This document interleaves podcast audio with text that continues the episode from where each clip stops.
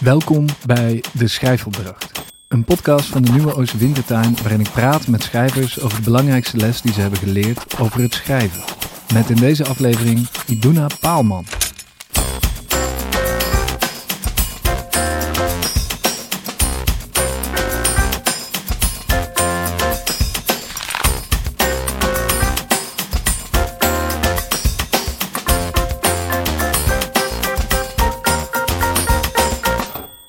Welkom dus. De Schrijfopdracht is een podcast waarin ik praat met schrijvers over hun ontwikkeling.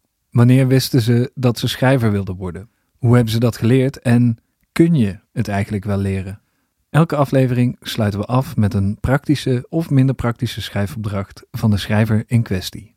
In deze aflevering is dat Iduna Paalman, die Duits en geschiedenis studeerde en haar werk als docent op een middelbare school combineert met het schrijverschap. In 2019 debuteerde ze met de terecht veel geprezen bundel De Grom uit de Hond halen. De bundel werd genomineerd voor de Ida Gerhard Poëzieprijs en de C. Buddingprijs. Hij werd bekroond met de Poëzie Debuutprijs 2020 en kreeg een eervolle vermelding van de Grote Poëzieprijs. De Volkskrant riep Iduna uit tot literatuurtalent van het jaar. En dit keer ga ik niet live voor publiek met haar in gesprek, maar in haar appartement in Oud-Zuid. Ja, super fijn dat, uh, dat je me wilde ontvangen in je appartement in ja, Amsterdam. Geen probleem, heel leuk. Is dit, uh, trok Amsterdam jou altijd al? Nou, eigenlijk niet per se. Ik uh, had eigenlijk eerst het idee om Nederlands te gaan studeren in Groningen. omdat ik uit Drenthe kom en dan was het, dat was logisch om te doen. ik was ook eigenlijk helemaal niet zo'n ik ga nu de wijde wereld intrekken, 18-jarige. Het was eigenlijk doordat ik zakte voor mijn eindexamen en een jaar opnieuw moest doen. En nog dus een jaar langer in het noorden moest zijn. Dat ik dacht, nou, dan wil ik nu wel eens wat anders. Maar daar moest ik dus echt een jaar ouder voor worden. Dat was niet uh, automatisch geprogrammeerd. Nee. En het heeft ook in die zin niks met schrijven te maken dan? Nee, het had wel te maken met dat ik graag uh, een taal wilde studeren of Duits wilde studeren. En, uh, of geschiedenis wilde studeren. En dat ik in Utrecht en in Amsterdam ging kijken op de universiteit. En het had ook wel een beetje te maken met dat ik dacht: oh, en ik wil ook graag schrijven. Dat durf ik eigenlijk nog niet. Maar als ik dat op een gegeven moment wel durf, dan is Amsterdam daar vast een goede plek voor. En dat wist ik eigenlijk helemaal niet hoor. Maar dat voelde een beetje zo van: oh ja, ik moet daar wel een beetje die richting op. Want anders uh, kan het niet. Oh, dus het, het, was er al wel toen, eh, de soort stiekeme wens om. Uh... Ja, die was op de, op de middelbare school al wel. Uh, nog een totaal gebrek aan overtuiging dat dat dan ook daadwerkelijk allemaal zou kunnen en dat ik dat uh, zou durven. Maar wel, ja, ik was al wel echt druk met schrijven bezig, gewoon in mijn eentje. En waar begon het dan? Kun je dat, de soort van die eerste beginselen? Ja, nou ja, op de basisschool al wel dat ik boekjes maakte en zo. Ik was ook altijd echt aan het tekenen en uh, lezen en zo. Zo'n zo, zo'n binnenkind, weet je wel. Tikkie Bleek, dat je denkt, ga eens even de herfst in. uh, en dat werd wel op de, op de middelbare school, werd dat... dat ik ietsje meer uh, dat vorm ging geven, dat kaders ging geven. Dus dat ik dan een gedicht ging maken bijvoorbeeld. En dat ik uh, hartstochtelijk in dagboeken schreef. En verhalen begon. En ik had ook wel een vriend met wie ik dat samen dan deed. Waren we een schrijfduo. Weet je wel dat? Oh ja. Zo. Is het Nicky French? Ja, ja. gingen, we, gingen we wereldverhalen maken, weet je wel. Over, uh, over kinderen over de hele wereld. En dan gingen we dan denkbeeldige interviews doen met een jongen uit Finland bijvoorbeeld. En dan daar. Nou ja, dus dat. Het begon wel ietsje meer eh, wat dat betreft. Uh, een gemanifesteerde hobby te worden. Eerder dan een soort verstopte dingetje voor tussendoor. Maar zag je toen wel al iets wat, als iets wat je kon doen? Nou, ik weet nog wel echt zo'n zo'n typisch, ja, haast clichématige herinnering uit uh, vierde klas. Dat ik voor het eerst voor Nederlands een kort verhaal moest schrijven. En dat ik dat toen had uh, getypt op de computer en had uitgeprint. Dus ook voor het eerst dat ik iets getypt en uitgeprint zeg maar, voor me had liggen. En dat ik stiekem dacht, ja, dit is, dit is volgens mij wel goed. En dat ik dat natuurlijk niet zo durfde uit te dragen. Dus dat ik dat zo weggemoffeld een beetje op het bureau van de docent legde. maar dat ik daar een hoog cijfer voor kreeg en dat ik toen wel dacht: oh ja, dit is misschien ook wel iets waar ik eh, wat meer mee eh, naar buiten kan. Op school, hè, binnen de beperkte kaders van een, van een school. Maar dus toen daarna heb ik ook aan een dichtwedstrijd meegedaan en zo. En ging ik dat ietsje meer, ja, naar buiten. Dus dat was maar toen wel, ja, dat was zo vierde, vijfde klas. Oh ja. Ja. En god dat ook voor die vriend? Ja, ook wel. Die deed daar eigenlijk wel een, een beetje in mee. We waren toen ook samen bij een theatergroep en zo. Dus wij maakten wel allebei een beetje die ontwikkeling van stille tieners, eh, teruggetrokken in een dorp, naar ja, dat we toch ook podia wel leuk vonden en zo. Dat durfden we eigenlijk allebei niet. En dat was voor ons allebei wel een soort ontwikkeling naar ook dat we op school ietsje socialer en opener waren. Ik was altijd stil en verlegen en vanaf toen veel minder. Oh, wat fijn dat je dat met z'n tweeën... Kan ik me Ja. voorstellen dat Ja, die dat niet wordt wat je met z'n tweeën doet? Ja. ja, dat was geweldig. Daardoor voelde ik mij, heb ik mij nooit echt alleen gevoeld. Terwijl natuurlijk veel schrijven van, van mij als tiener wel uit een soort eenzaamheid voortkwam. Maar dat was altijd een soort gedeelde eenzaamheid, waardoor het misschien niet helemaal eenzaamheid was. Dus dat was inderdaad heel prettig. Ja. En dat het je dus socialer maakt, dat hoor je ook niet vaak over schrijvers, toch? Nee, maar dat kwam dus omdat voor mij schrijven een soort direct lijntje had met ehm, mezelf uiten of zo. Op een, eh, op een hoorbare manier. Dus ook, wat ook dus te maken had met een podium of met voordragen of met een wedstrijd of met een, een, een, een scène schrijven voor, voor het schooltoneel of dat soort dingen. Dus het had voor mij inderdaad eenzelfde ontwikkeling als eh, ja, opener, opener worden. Dat had met elkaar te maken, gek genoeg. Ja. Ja, ik denk eigenlijk misschien ook weer niet zo gek. Ik, ik, ik- ging in een bandje of zo, weet je. Ja. Ja. dat was ook op een podium staan, terwijl ik daar voor de rest niet zo mee bezig was. Nee, en waarschijnlijk was je wel al jaren daarvoor met muziek bezig. Dus ik heb niet het idee dat dat schrijven echt iets heel nieuws was. Maar de manier waarop ik met dat schrijven omging was wel heel nieuw. En dat had wel te maken met dat mijn karakter toen een beetje veranderde. Of ik daarin ietsje meer kon laten zien wie ik was. Ja. En was het dan ook een ambitie om daar later iets mee te doen? Dat je zag je jezelf al daadwerkelijk de wereld overgaan en Ja, die, die stiekeme wens had ik altijd wel. Ik heb alleen nooit, eh, als tiener in ieder geval, gedacht dat ik daar dan bijvoorbeeld ook een studie in kon doen. Eh, en dat had ook te maken met eh, het gezin waar ik uitkom. Zeg maar, ik, ben heel, ik heb heel fijne ouders, maar het waren wel ouders die niet per se zeiden van... nou, dan ga je nu schrijver worden. There you go, hier zijn de kunstacademies. Dus dat was voor mij helemaal niet, kwam niet eh, in vragen, zeg maar. Waardoor ik dat stiekem wel had gewild, maar nooit heel serieus eh, ja, heb gedacht, daar, daar, daar ben ik goed genoeg voor of daar ben ik outgoing genoeg voor. Want je moet dan toch, had ik het idee in ieder geval een beetje overtuigd zijn van dat je een maker bent. En dat was ik helemaal niet, of tenminste, dat was helemaal niet wat ik kon koppelen aan iets studeren of een beroep of zo. Maar wist je wel dat ze er waren, die schrijfopleidingen? Ja, ik wist in ieder geval. Nou ja, en nee, ik wist dat eh, Writing for Performance bestond. Want ik kende iemand vanuit die theatergroep die dat was gaan doen. Ehm, en dat leek me stiekem geweldig. Maar het was toch wel de bedoeling dat ik naar de universiteit ging. En dat leek me ook geweldig. Dus het is ook nooit heel erg een. eh, ja, hoe noem je dat? Een rip uit mijn lijf. Of de, ik heb nooit eh, wenend van ongeluk op de grond gelegen dat ik, dat, dat niet mocht of, of zo. Ik was ook te bang om het te proberen. Dat was allemaal te precair, ook vond ik nog het schrijven. Ik, ik, was helemaal niet dapper genoeg om dan zo'n aanmelding te doen. Omdat ik dacht, ja, dan, dan gaan ze het lezen en dan gaan ze er iets van vinden. Misschien vinden ze het niet goed. Ja. En dan Dus- stopte de wereld. Nou, nou ja, ja, misschien. De, de kans daarop was voor mij een risico groot genoeg, zeg maar. Ja. Ja. Dus het was niet dan maar een taal. Nee, nee, zeker niet. Ik was ook wel. eh, ik wilde ook zelf wel graag aan de universiteit studeren. En ik weet dat ik eh, mijn vader daar een plezier mee deed. En dat was ook wel in de tijd dat ik nog graag mijn vader een plezier deed. dus ik weet niet of ik het anders had gedaan als ik eh, nog een keer had, had moeten doen. Misschien wel. Maar ik weet wel dat dat toen in ieder geval ook iets was wat bij mij paste. Omdat ik ook van lezen hield en ook van andere talen en andere culturen. En ik wilde graag in Duitsland studeren. Dus dat was eigenlijk allemaal ook een feestje. Ja. Ja. Heeft dat je nog iets opgeleverd die, voor je schrijven, die studie?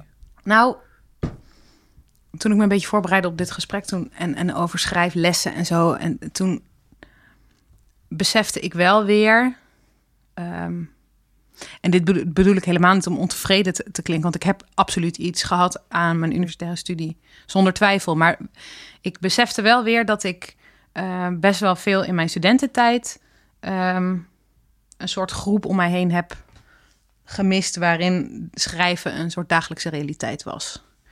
Dus in mijn studie aan de Universiteit van Amsterdam was lezen heel erg een dagelijkse realiteit. En eh, ook wel over onderwerpen waar ik die nog echt wel, die ik echt wel heel moeilijk vond. Dus ik was ook wel heel erg elke dag dingen niet aan het begrijpen. Die ik dan heel erg hard wel wilde begrijpen. Dus ik. En ondertussen was dat schrijven een beetje iets van mij alleen. Dus dat heb ik wel een beetje gemist binnen die studie. Wat ik niet gemist heb, is een enorme overvloed aan lezen en, en theorieën. En ja, dat was ook wel heel rijk. Ja. Ja, ben je het dan gaan opzoeken buiten die studie? Ja, zeker. En dat was ook wel een beetje in de stroom van, van dat ik dat ook dus wel steeds meer durfde. En ik ging wel aan wedstrijden meedoen. En toen kwam ik, ehm, en dat is echt van zeer onschatbare waarde geweest, Edward van de Vendel tegen. Hij is je- jeugdboekenauteur. En hij had toen een ehm, programma opgericht voor, voor jongeren die eh, graag wilden schrijven. En het, van, het, het, het, het mooie was dat hij helemaal niet schrijfles ging geven, maar gewoon een soort groep eh, jonge mensen bij elkaar bracht die dat wilden doen. En hij had een platform gemaakt online, eh, waar het dan ook echt de bedoeling was om wekelijks dingen te schrijven. Dus hij bracht eigenlijk een soort saamhorigheid en een soort continuïteit. En dat was eigenlijk ge- genoeg. En eens in de zes weken ging ik met hem mijn stukken bespreken. En dan ging hij heel erg uit, uitdragen aan mij dat hij er echt op zat te wachten. En dat was niet een soort didactisch rolletje of een pedagogisch trucje van hem. Dat was oprecht. Hij zat op, echt oprecht op te wachten op wat ik aan het maken was. Nou, dat was geweldig. ik weet niet wat me overkwam want dat... Dus ik ging schrijven als een wilde, omdat ik dat zo geweldig vond dat dus iemand dat wilde lezen van mij. En hij is van, de, van het enthousiasme en het stimulerende. Dus hoewel, hij hoewel we soms gesprekken hadden over uh, dingen die beter konden of dingen waar hij kritiek op had, was dat altijd gestuurd op. Ja, maar je kunt het al of zo. Dus ik had ook niet een soort bewijsdrift bij hem. Uh, ja, en dat, heeft, dat, was, dat, dat was wat ik nodig had parallel aan mijn, aan mijn studie. Ja. Dus daarom ben ik toen wel blijven schrijven, ja. En dat is ABC Yourself dan? Ja, dat heette ABC Yourself, ja. ja. ja. Dat voelt altijd een beetje als een soort van... Uh, ik weet niet of dit, waar deze vergelijking gaat, denk ik misschien al heel snel mank. Maar uh, Xavier's uh, School of Gifted Children, een soort onofficieuze schrijf, niet schrijfopleiding inderdaad, maar toch, ja... Ja. Als je kijkt welke mensen daar vandaan komen... Of, nou, het, ja. ja, ik heb het wel altijd. Het is, heeft wel altijd gevoeld als een soort uh, uh, vervanging van een schrijfopleiding. Ik weet ook dat er mensen aan dat project meededen die ook een schrijfopleiding deden. En voor hen was het soms ook best een beetje dubbelop. Niet dat dat niet ging, want het een vulde het ander wel aan. Um, maar het, is, het was wel echt wat ik nodig had om niet een soort van um, verloren te raken in de pogingen tot uh, dingen schrijven, die toch voor mij heel vaak uh, gedwarsboomd werden door mijn eigen onzekerheid. ja, dus dat was, heel, dat was heel fijn. En het was ook precies daarvoor bedoeld, denk ik. Voor jongeren die willen schrijven en, en, en daarin een soort kaders zoeken, die dat niet per se automatisch hebben vanuit een opleiding. Ja. Of een peer group of ja. Ja, want uh, uh, had je voorbeelden in die tijd? Was er een richting of zo die je op wilde? Nou, het grappige is dat ik in die tijd weinig poëzie maakte, hoewel dat wel altijd mijn allereerste uitingsvorm was geweest. Um, maar op de een of andere manier was ik op dat moment uh, korte verhalen en columns en uh, allemaal beginnetjes aan romans. die er nooit zijn gekomen natuurlijk omdat ze bar slecht waren. maar dus ik, ja, dat, op dat spoor zat ik heel erg.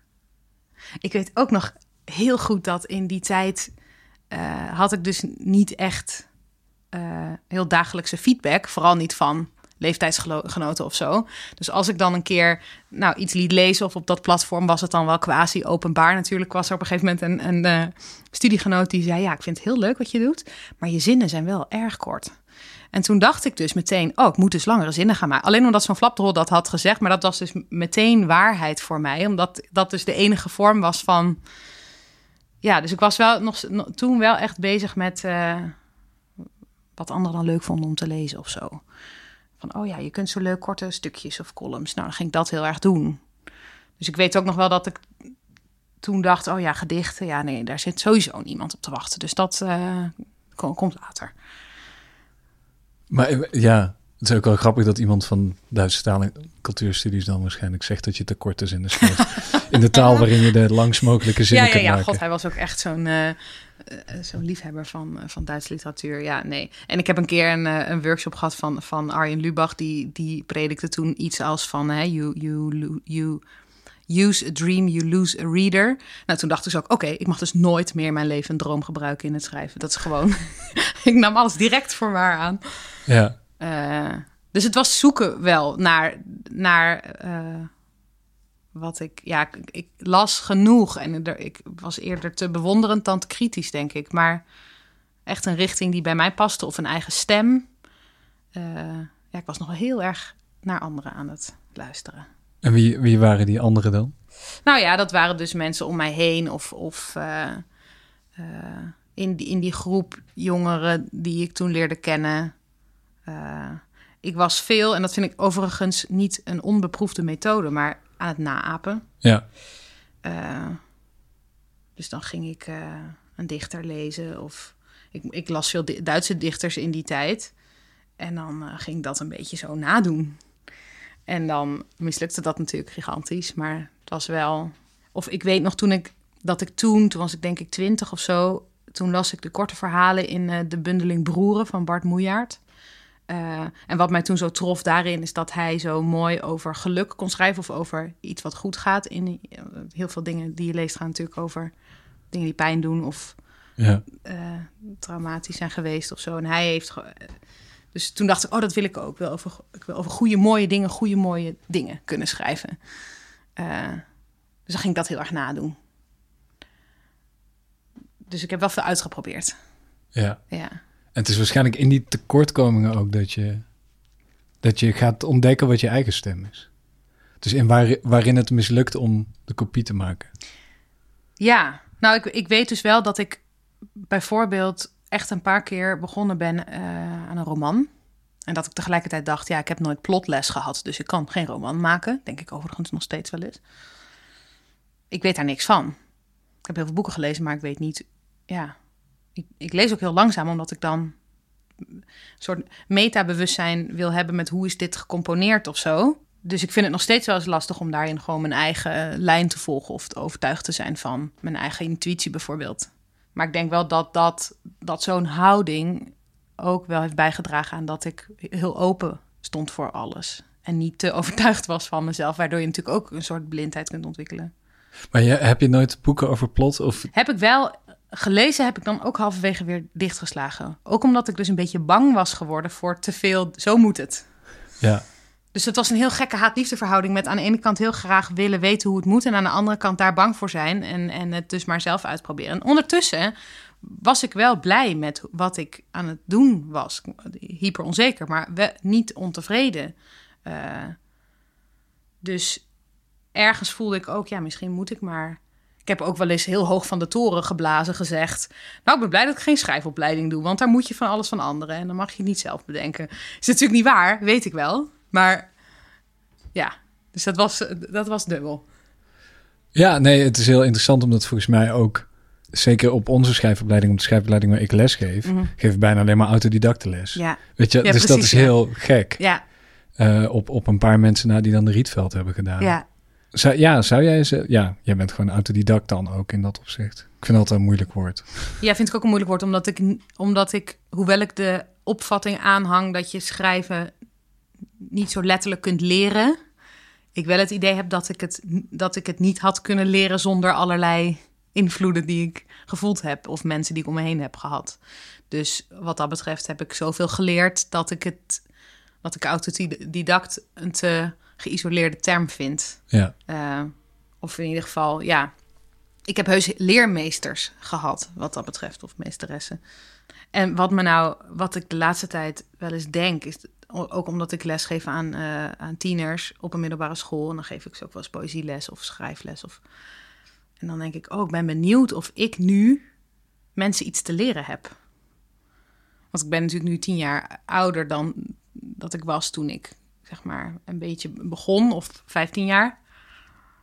Dus ik denk wel eens, oh ja, uh, heb ik iets te zeggen? Zou ik mensen iets kunnen leren? Nou ja, dat is een oprechte vraag. Ja. Ik weet niet of je daar ooit antwoord op krijgt. Nee, natuurlijk niet. Misschien is het leven ook een samenvatting van die vraag.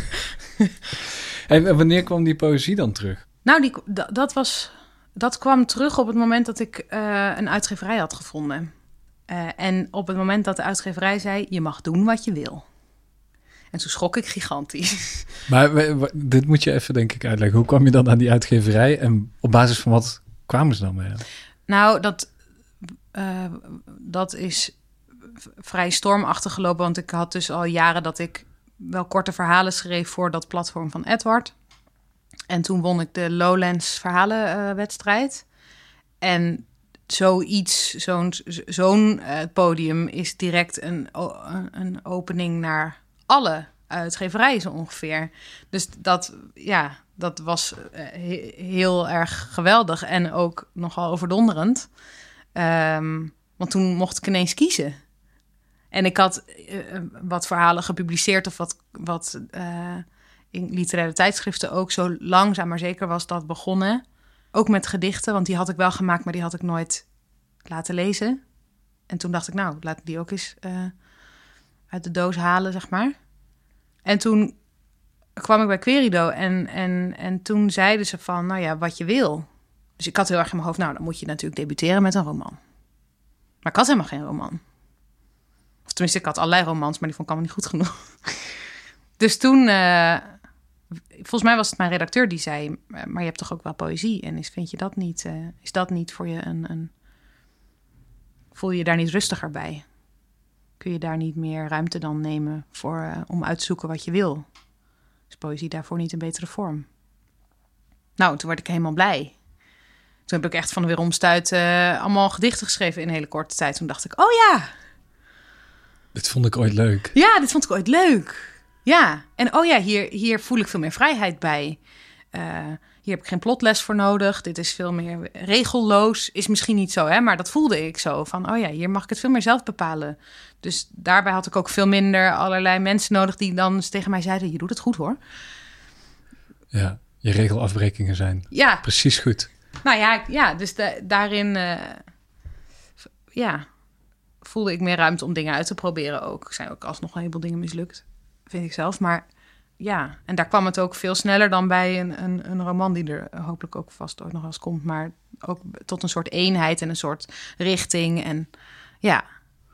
Ja, want heeft dat, uh, heeft dat debuteren ook je, je blik op schrijven veranderd? Want zeg maar, er is denk ik een verschil tussen uh, wat gedichten, en dat bedoel ik niet oneerbiedig, maar gewoon los publiceren in, mhm. in tijdschriften en dan toch ja. de, de bundel. Ja, nou, dat, was, dat vond ik.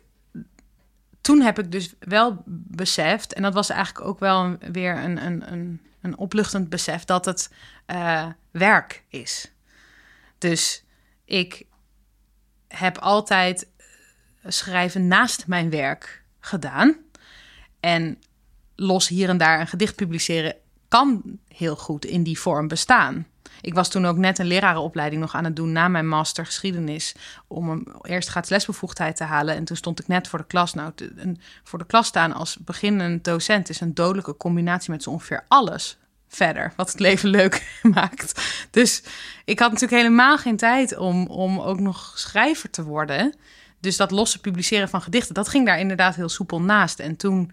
Um, moest dat een, ging dat een eenheid worden. En ik had daar heus allerlei ideeën en, en verlangens bij, maar gewoon heel weinig tijd. En toen was het wel, doordat die bundel er moest komen, dat ik een beetje kon afdwingen in, in de rest van mijn leven van ja, ik moet dit maken. Het staat in een aanbiedingsfolder, ik heb er ideeën bij, het is werk. Het, het, het, mag er dus zijn. Dus hoepel mij even op, want uh, ik ben aan het werk. Dus, dus dat, het gaf me een soort um, doelgerichtheid of zo, of trefzekerheid. Uh, om dat te gaan doen. Ik, was, ik ben, heb ook het, er heel erg van genoten om dan daar een eenheid in te componeren. En dat ik dus ook dacht, oh, dit en dit mist er nog. Dus dat ik echt opdrachtjes aan mezelf ging geven.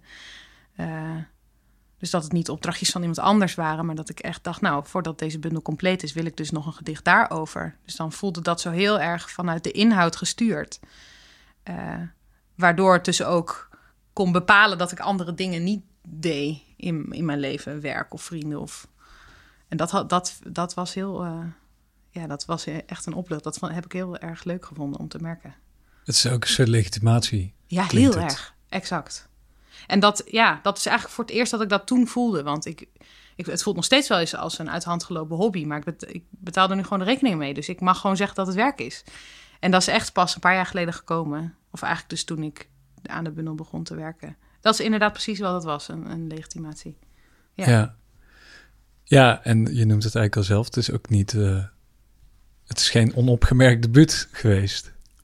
Nou ja, ik ben wel... Uh, uh, ik, ik had oprecht niet veel verwachtingen van wat een, wat een poëziebundel kan doen. Maar ik ben wel inderdaad echt heel erg verrast en blij door de manier waarop het gelezen is. Ja.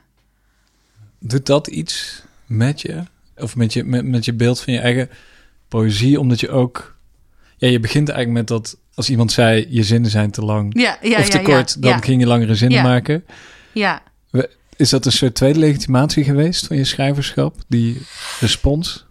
Uh, ja, ik zou natuurlijk liegen als ik zou zeggen dat het niet zo is. Maar ik weet wel dat toen ik toen de bundel van de drukker kwam en nog niemand het gelezen had, dat ik toen echt een soort. En daar ben ik toen heel rustig van geworden, want ik was super onrustig en heel gespannen. Maar dat ik een soort besef heb gevoeld van: oké, en dit is goed. Dit is gelukt. Dus um, ik heb wel daardoor echt met mezelf afgesproken van... ik ben hier, dit is het beste wat ik kon doen. En dat te voelen had ik ook eigenlijk nog nooit echt gevoeld, omdat ik nog nooit iets af had gemaakt, omdat ik nooit de legitimatie inderdaad had gevoeld om daar de ruimte in mijn leven, ook de oogkleppen, want op een gegeven moment moet je dan natuurlijk ook niet meer luisteren naar ieders mening. Dus dat dat, dat, dat gevoel eraan vooraf ging, heeft mij heel veel rust gegeven toen. En tegelijkertijd, ja, is het natuurlijk zo dat ik me bewust ben van publiek of van wat dat doet. Ik heb alleen, ik heb dat opgeschreven, want dat kwam ik laatst tegen. Ik ben een boek aan het lezen van Vivian Gornick. En daar, zij, zij schreef iets over um, seksueel bemind worden. En toen las ik dat en toen dacht ik, dit gaat eigenlijk ook voor schrijven. zij schrijft: Ik begon door te krijgen wat iedereen ter wereld weet en maar al te vaak vergeet. Dat je, wanneer je seksueel bemind wordt, niet bemind wordt om je feitelijke zelf, maar om je vermogen, begeerte op te wekken in de ander. Toen dacht ik, ja, dat is natuurlijk. Uh, dat wat je gemaakt hebt, moet je natuurlijk niet verwarren met dat wat je gemaakt hebt, dat wat dat oproept bij de ander. Ja. Uh, en dat is wel uh, een valkuil, of tenminste heel logisch om dat wel te doen. Dus ik probeer wel telkens weer terug te gaan naar wat ik feitelijk zelf wil maken en niet naar wat ik wil oproepen in een ander. En dat is best moeilijk. Want uh, zie je een verschil tussen wat je, uh, ik bedoel, je bent dus veel besproken, veel genomineerd, uh, volledig terecht allemaal. Um, zie je een verschil tussen hoe die, wat die oproept in de lezers en hoe die, ja, bedoelt, ik, we hoeven het niet over auteursintentie te hebben of zo, maar zie je een discrepantie tussen die twee dingen? die je nu noemt? Nou, ik heb wel uh, het heel spannend gevonden of wat ik ermee wilde zeggen over zou komen. En dat had bijvoorbeeld heel erg. Uh, dat kwam bijvoorbeeld heel erg tot uiting in de kwestie over wat je dan op een achterflap zet. Um, en ik heb lang ben ik bang geweest dat ik daarin te letterlijk was geweest Omdat ik het ook natuurlijk de onweerstaanbare charme van poëzie vind dat je dat zelf mag uitzoeken. Ehm, dus ik dacht, oh, ik heb nu veel te veel richting gegeven. Want dan geef je die richting en dan, en dan is het direct het, het kijkkader of het leeskader van. Dus ik heb wel eens dat zonde gevonden, juist. Dat ik dacht, heb ik nu niet te veel sturing aangebracht? Mijn bundel gaat over angst en over het verlangen gerustgesteld te worden. En over dat geruststelling heel vaak vals is, omdat het maar gewoon een constructie is van mensen die hun angst niet uh, ergens anders kwijt kunnen. Of een soort bouwwerk van afspraken en regels en voorschriften om maar rustig te blijven onder alles wat er aan de hand is. En ik dacht, ja, dit leg ik erin, maar wie ben ik om dat zo te sturen? Maar ik, uiteindelijk vond ik het toch leuk om te merken dat dus dat, dat veel lezers wel dat dreigende voelen in mijn gedichten. Ik dacht ook, is dat niet een soort sausje die ik er achteraf opleg om het leuk verkoopbaar te maken? Is natuurlijk zo. Bij poëzie moet je er toch maar een soort woorden aan geven. Dus daar ben ik bang voor geweest. En achteraf vond ik het dus wel echt fijn te horen dat, dat wat ik daarover had gezegd, dat kader had ik had gegeven, dat mensen zich daar wel in konden vinden of daar iets mee konden. Of ja. Ja, en is het kader is nu bij de herdruk volgens mij. Ja, dat is weg. Verdwenen, ja, toch? Klopt. Ja dus dat heb ik ook letterlijk gedaan. Of uh, dat heb ik ook expres gedaan. Ja. ja. En nu, maar nu staan er heel veel nou ja, lezersreactie in de zin van stukken uit recensies en, en blurbs van ja. het Bruinja op. nou, ik heb dus daar is voor gekozen om, of tenminste daar is gezocht naar um, uitspraken van anderen die een beetje dezelfde lading dekken. Dus dat, we, dat ik niet meer zelf zeg, nou hier gaat het over, maar dat er op de achterkant staat wat andere mensen vinden wat er over, ja, waar het over gaat. Het is natuurlijk een keuze, ook een uh, commerciële keuze, om dat zo te doen. Ja. En dan, ja, nee, daar moeten we ook niet vies van zijn. um, misschien is dit wel een mooi moment om uh, een stukje voor te draaien. Ik weet niet eigenlijk of je uit de bundel wilde voorlezen. Uh, ja, ik heb dat wel bedacht. Ik dacht zelf aan deel 1 en deel 3 en deel 4 van een vijfdelige gedicht dat alternatieve geneeswijze heet en nummer 1 heet geruststelling. In de linzen op je bord uitvergrote kankercellen zien, ze met een beetje saus laten samenklonteren tot gezwel, zeggen ik heb het aanzien komen. Alles valt mee. Aan het einde van de vork beginnen de tanden, aan het einde van de tanden het vlees. Het grootste gedeelte mag je houden de handelingen en woorden, de ingesleten route van het mes. Er gebeurt niets voordat er iets gebeurt. Er gebeurt niets voordat er iets gebeurt.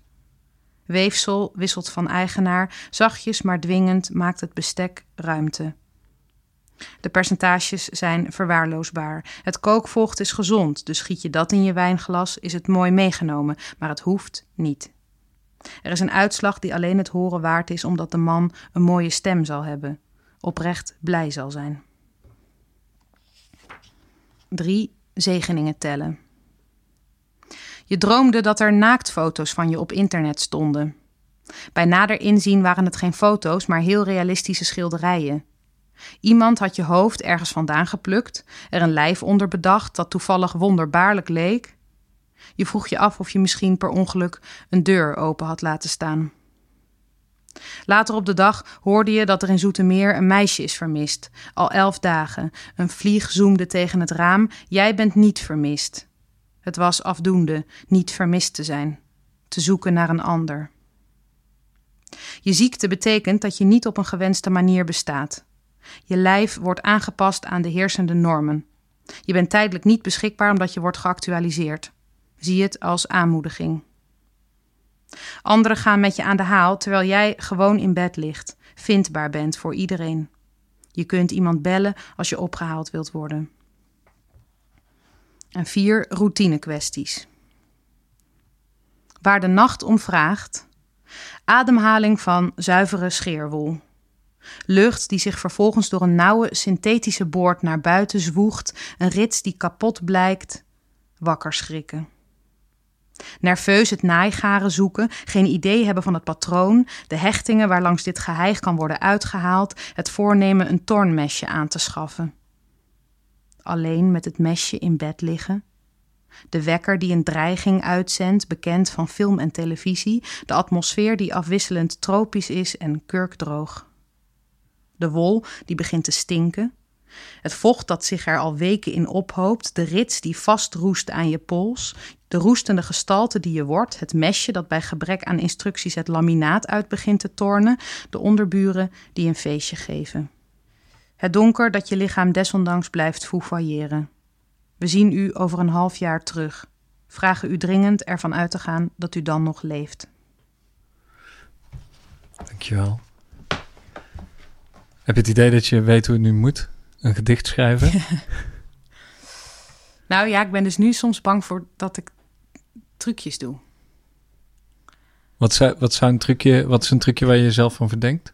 Nou, ik heb vaak de neiging om een beetje Ehm, taal te gebruiken die je bijvoorbeeld, uh, die je bijvoorbeeld leest als, als er ergens een aanwijzing wordt gegeven.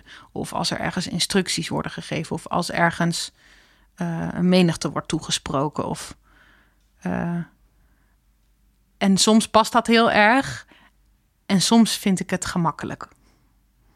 Dus het is leuk van nu zo'n bundeling hebben dat ik daar een beetje de constante in kan vinden. En het is fijn dat daardoor een soort eenheid ontstaat. Maar ik wil daar ook nu wel los weer van komen of nieuwe, nieuwe dingen uh, vinden, uitproberen. Is het makkelijk voor jou nu om te gaan zitten en iets nieuws te doen? Nou, ik heb wel um, minder schroom of gewoon meer durf. En dus dat heeft ook te maken met dat ik het dan werk kan noemen. Dus daarin gaat dat makkelijker. Maar wat ik, wat ik moeilijk dus vind, is dat ik soms een gedicht maak en dat ik denk, oh, dit lijkt op dat gedicht uit de bundel. En dan vind ik dat niet een goed teken. En tegelijkertijd probeer ik dan ook niet te streng te zijn. Want het is natuurlijk niet zo dat als ik een bundel heb gemaakt, dat ik dan meteen een nieuwe dichter moet zijn voor een volgende of zo. Het mag natuurlijk allemaal lekker wel samenhangen maar ik vind wel dat er iets moet gebeuren voordat er uh, een nieuwe bundel komt in dit opzicht. Ja, je wil niet een tweede versie. Nee. En soms dan, of dat heeft soms ook met ritme te maken, want ik ben wel gevoelig voor ritme of voor klank of zo. Daar ben ik me ook altijd heel bewust van. En dan soms dan, dan heb ik een, nu een nieuw gedicht en dan doe ik dat. En dan denk ik, oh ja, dit doe ik precies dezelfde manier als dat ik dat toen en toen daar en daar en dat en dat gedicht deed. En dan, ehm, voelt het voor mij alsof ik dan niet hard genoeg mijn best doe. En dan vind ik dat ook fijn dat ik me daarvan bewust ben, want dan kan ik uh, die uh, strofen schrappen. Nou, wat ik dus wel een uitdaging vind, is nu om ook weer los te komen van een eventuele bril van een eventuele lezer. Want ik ben wel, en dat is gewoon een beetje verwend gedrag, vind ik, nu gewend geraakt aan dus dat er mensen zijn die aandachtig mijn poëzie lezen dat, die dat leuk vinden, die dat willen. En dat is natuurlijk helemaal niet vanzelfsprekend. Dus alle kleine dingetjes die ik er nu inleg, of waar ik me dan zo op een hyperbewust niveau mee bezig ben. Ja, ik moet er natuurlijk nu niet van uitgaan dat dat uh, opnieuw zal worden gezien of zo. Of dat dat op dezelfde manier. Uh, dus ik wil daar niet gemakzuchtig in, in, worden of zo. Van nou ja, ik leg er een beetje van dit in. Dat zal vast wel worden opgemerkt. Of dat heeft men vast wel door of zo. Ik, ja. Het is de andere kant van het citaat dat je net voorlas. Ja. Ja. Je hoeft niet op ze. Je moet er niet op rekenen dat, je, dat het je weer lukt om die. Nee, voor mij heeft dat, dat lukken te maken met of ik zelf het gevoel heb dat ik iets nieuws heb geleerd in het maken van, mijn, van nieuwe gedichten. Maar dat kan best. Dat, misschien is dat wel zo dat mensen het lezen alsof het. Oh, onmiskenbaar uh, een gedicht van jou. Dat, ik weet niet of ik dat dan een belediging of een compliment zou vinden. Maar dat ik. Ik wil in ieder geval zelf. Daarom weet ik ook niet of ik nu. Ik wil nu denk ik meer lezen dan schrijven. Omdat ik nu weer graag wil weten hoe het ook kan. Of zo. Niet in eenzelfde groef uh, komen. Maar ik merk ook dat veel van mijn gedichten dan toch weer gaan over iets dat dreigt of over iets dat angstig is. Of uh, denk ik, oh, ik wil dat niet. Ja. En tegelijkertijd gaat voor mij wel alle poëzie ook daarover. Misschien is dat dan gewoon wel mijn, uh, ja, moet ik daar ook niet te veel voor weglopen. Ja. ja, en wat ik ook bedoelde is dat je kunt, ook, je kunt er dus ook niet vanuit gaan dat als jij nu iets maakt wat jij interessant vindt, dat datzelfde lezerspubliek dat ook vindt. Nee, want je weet niet of je lust in ze opwekt. Ik weet Nee. niet meer wat de formulering is. Lust en verlangen. Nee, en daar gaat het dus eigenlijk ook niet om, tenminste.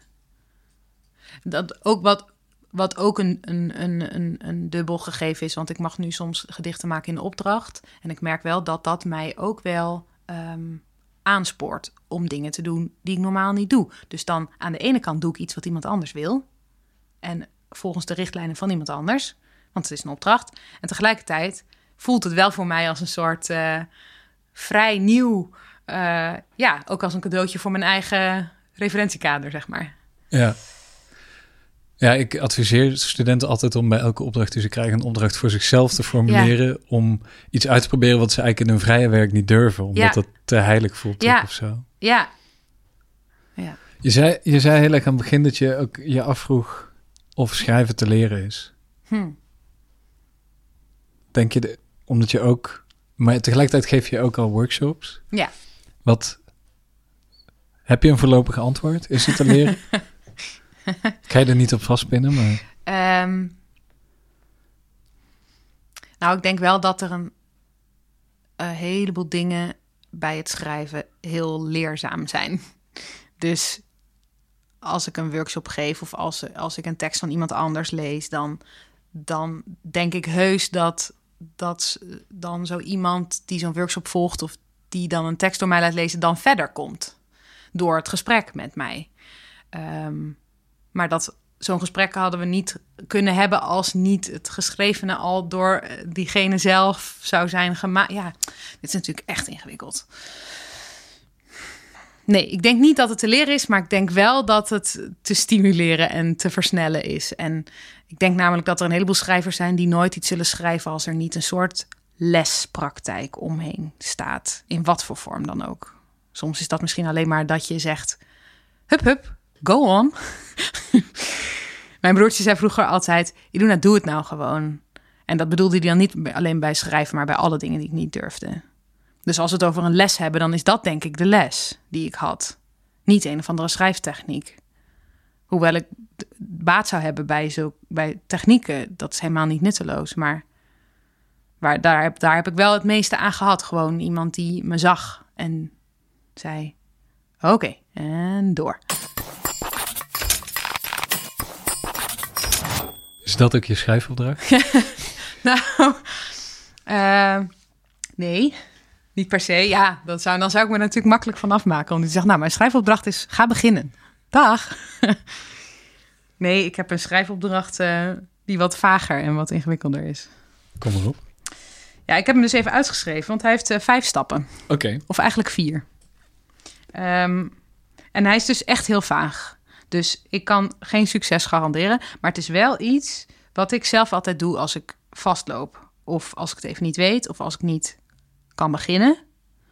Eh, dan doe ik vaak dit. Dus het is ook best specifiek.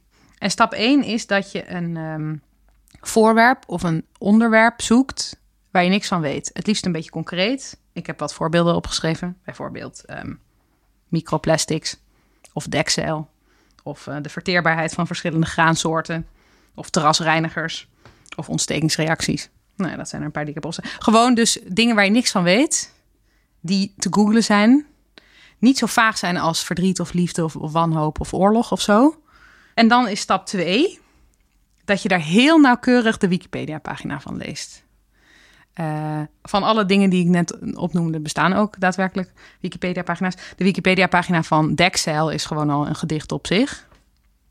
En eh, dat je die dus leest. Je mag er ook een, een, een, een, essay over lezen als er essays over bestaan. Eh, maar ik vind Wikipedia-pagina's altijd al zeer dankbaar hierin. Eh, en dan stap drie is dat je uit wat je dan gelezen hebt... iets van vier of vijf termen neemt... waar je van denkt, oh, dit zijn klinkende termen. Of dit zijn termen waar... eh, die iets omschrijven wat ik net gelezen heb... of die iets samenvatten of waar iets in zit... Eh, veel termen vind ik dan al direct poëtisch of voor meerdere interpretaties vatbaar. Of, en dan stap vier is eigenlijk de laatste stap, is ook de allermoeilijkste stap. Lukt ook vaak niet. Maar is dat je dan een huidige of een onlangs gevoelde emotie of een belevenis of een bepaalde staat van zijn die je zelf hebt ervaren, ehm, beschrijft uh, aan de hand van die termen. Dus uh, dat wordt dan best een ingewikkeld iets. Maar het zorgt er bij mij altijd voor dat ik een beetje uit mijn eigen uh, beleving kom. En uit mijn eigen. Ja, emotie is vaak zo cliché. En dat wordt dan vaak zo. De wereld is donker en ik voel me verdrietig of zo. Dus het is, ik vind het altijd heel dankbaar om er dan iets heel erg plastisch of iets heel erg onnatuurlijks tegenover te stellen. En heel vaak kom ik dan tot de conclusie. En ik ben er inmiddels achter dat dat misschien wel geen toeval is dat dan, dat wat ik net heb gelezen over verschillende textielsoorten bijvoorbeeld, dat dat eigenlijk heel erg een beeld kan zijn voor bepaalde reactie die ik heb op iets wat ik in de wereld voel of in mezelf. Of dit klinkt heel vaag, maar het werkt, vind ik. Ik, vind het eigenlijk alles behalve vaag. Oké. nee, het is ook de bedoeling dat het juist concreet is. Ik vind ook heel vaak gedichten waarin.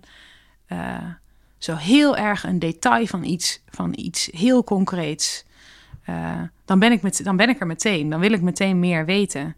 Omdat ik het niet snap dat dat dan voorkomt in een gedicht. Of dat dat dan het onderwerp is. Want dat is dan niet het onderwerp, maar het is wel het onderwerp. Ja, dus dat. Bij stap 5 heb ik opgeschreven: voilà, deel van je gedicht klaar. Maar dat is natuurlijk, zo werkt het niet. Maar nou ja, ik heb wel heel vaak door dit te doen de ingang in een gedicht gevonden. Of de voortgang in een gedicht gevonden. Dus, dat was het. Mag ik je heel hartelijk danken. Nou, jij bedankt.